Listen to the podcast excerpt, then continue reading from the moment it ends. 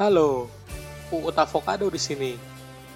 Tidak ada sulap di podcast ini dan tidak ada cerita tentang JKT48 di sini karena di podcast ini gua tidak pengen jadi pesulap dulu dan tidak pengen jadi fans JKT48 dulu.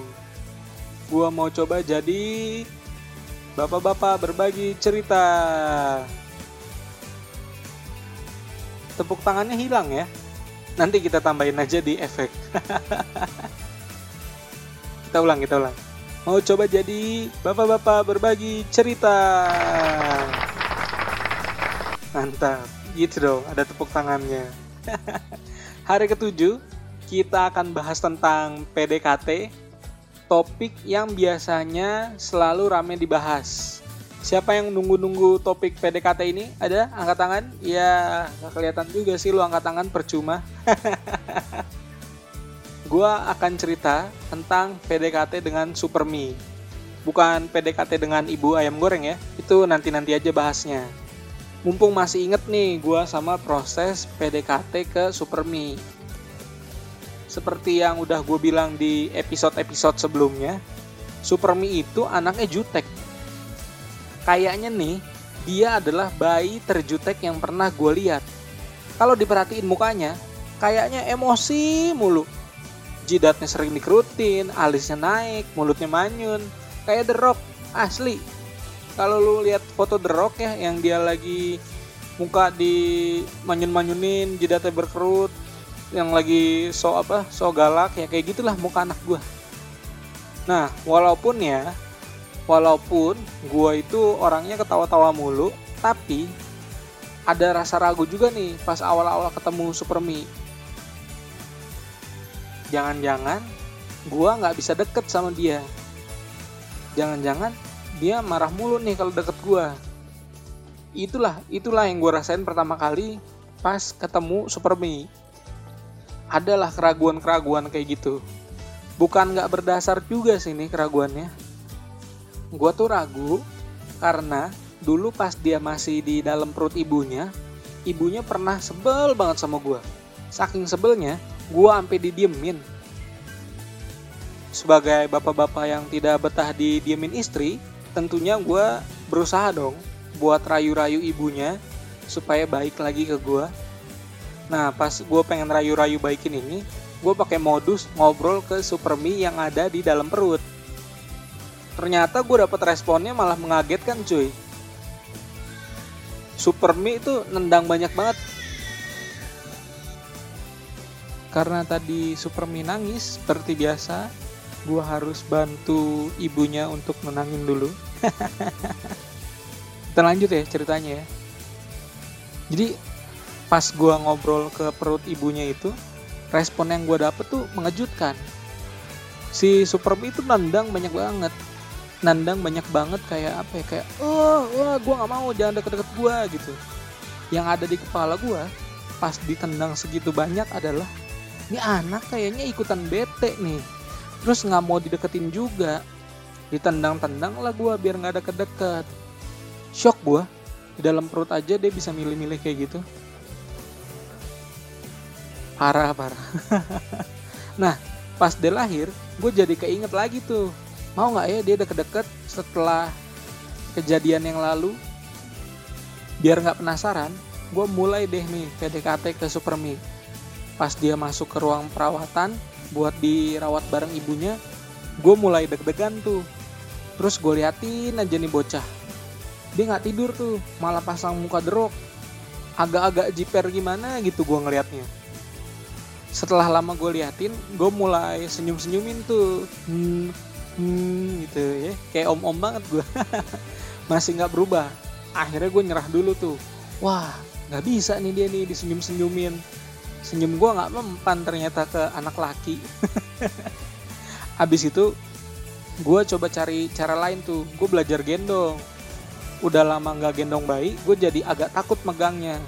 Terus gue minta dipandu lagi deh sama ibu mertua buat gendong bayi yang benar pas gue gendong masih biasa aja dia. Gue kayak masih dicuekin gitu. Padahal udah dipanggil panggil namanya. Mi mi. Terus udah diajak ngomong juga mi ini bapak lo mi. Tapi tetap aja dia cuek. Step selanjutnya gue agak jahil nih. Karena penasaran banget ini anak kok nggak ngerespon nih sama gue ya? Oh mungkin perlu di set pakai modus nih ya kan? Seolah-olah gue bikin dia nyaman setelah gue bikin dia bete. Gimana? Ngerti ya? Ngerti ya? Bapak-bapak pasti ngerti lah modus-modus model kayak gini. Ternyata modus ini nggak cuma mempan buat kita pakai deketin cewek doang. Deketin anak juga bisa. Coba deh bapak-bapak deh. Siapa tahu kan berhasil. Gue iseng nih AC di kamar perawatan gue dinginin suhunya. Wah nangis Supermi. Kejer tuh dia nangisnya tapi kan gue belum bisa ngangkat dia nih ya dari tempat tidur bayi. Akhirnya gue panggil suster. Terus susternya bilang waduh pak ini kedinginan kayaknya. Coba lihat suhu AC-nya. Wah iya pak ini suhunya terlalu dingin buat bayi. Oh gitu ya suster. Oh yaudah terus gimana? Yaudah pak ini digendong-gendong dulu aja anaknya biar anget. Susternya tidak tahu kalau itu adalah rencana gue. Akhirnya gue minta tolong, ya udah suster tolong angkatin si Supermi dari tempat tidur ya. Terus gue juga minta tolong diajarin juga ya sus gimana cara ngangkatnya. Saya nggak bisa nih ngangkat-ngangkat gini. Terus diajarin tuh sama suster yang ngangkat-ngangkat, ngangkat Supermi ya, ngangkat Supermi bukan ngangkat yang lain-lain. Celet setelah diangkat, wah berhasil Supermi mulai nemplok tuh ke gue mungkin karena dia ngerasa anget kali ya eh bikin nyaman setelah dia bete ternyata berhasil. Mulai pede nih gue teknik PDKT gue ternyata berhasil ke Supermi habis itu gue mulai belajar tuh handle-handle dia di situasi yang rumit. Dan di situasi-situasi yang ibunya sendiri belum bisa handle. Karena kan ibunya masih recovery ya setelah dioperasi sesar. Gue belajar tuh belajar mandiin. Uh seneng banget dia pas bisa dimandiin sama gue kayak kelihatan mukanya bahagia gitu. Walaupun dia nggak wah wah wah kayak gue contohin tadi ya. Tapi ya nyengir nyengir ompong tau gak sih lu? Eh yang gak ada giginya yang kelihatannya kayak mau ngomong tapi masih belum bisa ngeluarin suara. Ya lucu banget dah asli. Terus gue belajar juga nih cara ngebedong bayi. Karena selama ini uh, Supermi itu nggak dibedong karena guanya nggak bisa. Istri gue juga nggak bisa ngebedong bayi. Akhirnya pas ada mbak-mbak baby spa yang dipanggil ke rumah terus dia ngebedong Supermi gue minta ajarin tuh mbak ajarin dong bedong-bedongan. Nggak maksudnya mbak ajarin dong bedong bayi gimana caranya? Saya selama ini nggak bisa bedong bayi nih bedong ibunya doang bisa. Diajarin terus gue bisa ngebedong terus mie gue gendong sambil dibedong gue mandiin sering-sering gue usap-usap gue ajak ngobrol. Setiap dia nangis gue ajak ngobrol juga. Mulai itu wah hasilnya memuaskan. Super mie bener-bener nempel sama gue ibunya bahkan jadi bete nih sekarang-sekarang ini. Karena dia ngerasa nggak laku kalau ada bapaknya. Pernah juga kalau gue nggak ada nih gue pernah gitu keluar cuma ke minimarket buat belanja. Dia nangis nangisnya tuh ternyata jauh lebih histeris daripada saat gue ada kan agak repot ya kalau udah deket kayak gitu terus gue nggak bisa ke mana-mana. Seneng anak gue nempel tapi mikir kok repot ya nggak bisa ditinggal. Akhirnya gue coba ini nih teknik namanya briefing. Ya bukan agensi-agensi doang ya yang bisa briefing. Baik pun bisa juga di briefing.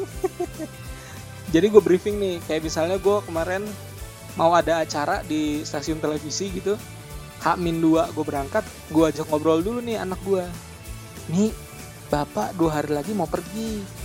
Kamu bakal di rumah doang berdua sama ibu. Baik-baik ya jangan ngerepotin ibu.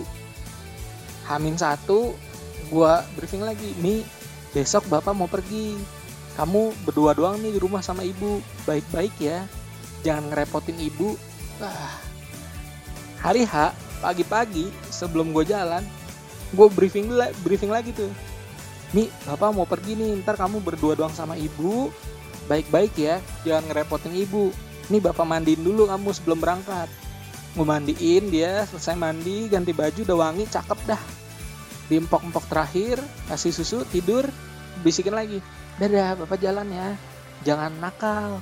Baik-baik sama ibu. Tinggal ternyata berhasil cuy anak gua selain bisa ngambek dia juga bisa di briefing. Lumayan lah ya ada pengertian pengertiannya dikit. Dia seharian itu nggak nangis. Nggak ya nangis sih ada cuma nggak heboh seperti sebelumnya gitu saat gua nggak briefing dia. Hebat anak gua. Dia ngerti dong. Heran gak lu? Anak umur berapa? Ini itu baru sebulan lewat. Dia udah ngerti di briefing sama bapaknya udah ngerti kalau bapaknya pulang uh langsung langsung kayak minta digendong gitu tau gak sih? Lucu banget. Ya ampun. Ternyata seru punya anak ya bapak-bapak yang denger coba deh cara gue kali aja manjur juga nih nanti di anaknya. Coba hadir di situasi-situasi yang kira-kira ibunya belum bisa handle. Sambil bikin nyaman anaknya. Siapa tahu anaknya nempel juga seneng deh lu pasti kalau anak lu bisa nempel banget ke lu sampai ketemu di episode selanjutnya ya Minggu pertama dari 30 hari bersuara akhirnya sudah terlewatkan. Tinggal tiga minggu lagi. Dengerin terus ya. Boleh loh podcast ini kalau mau di-share-share. Siapa tahu ada yang butuh hiburan atau butuh informasi. Boleh aja kalau kalian mau share. Kan lumayan ya kalau kena targetnya gitu.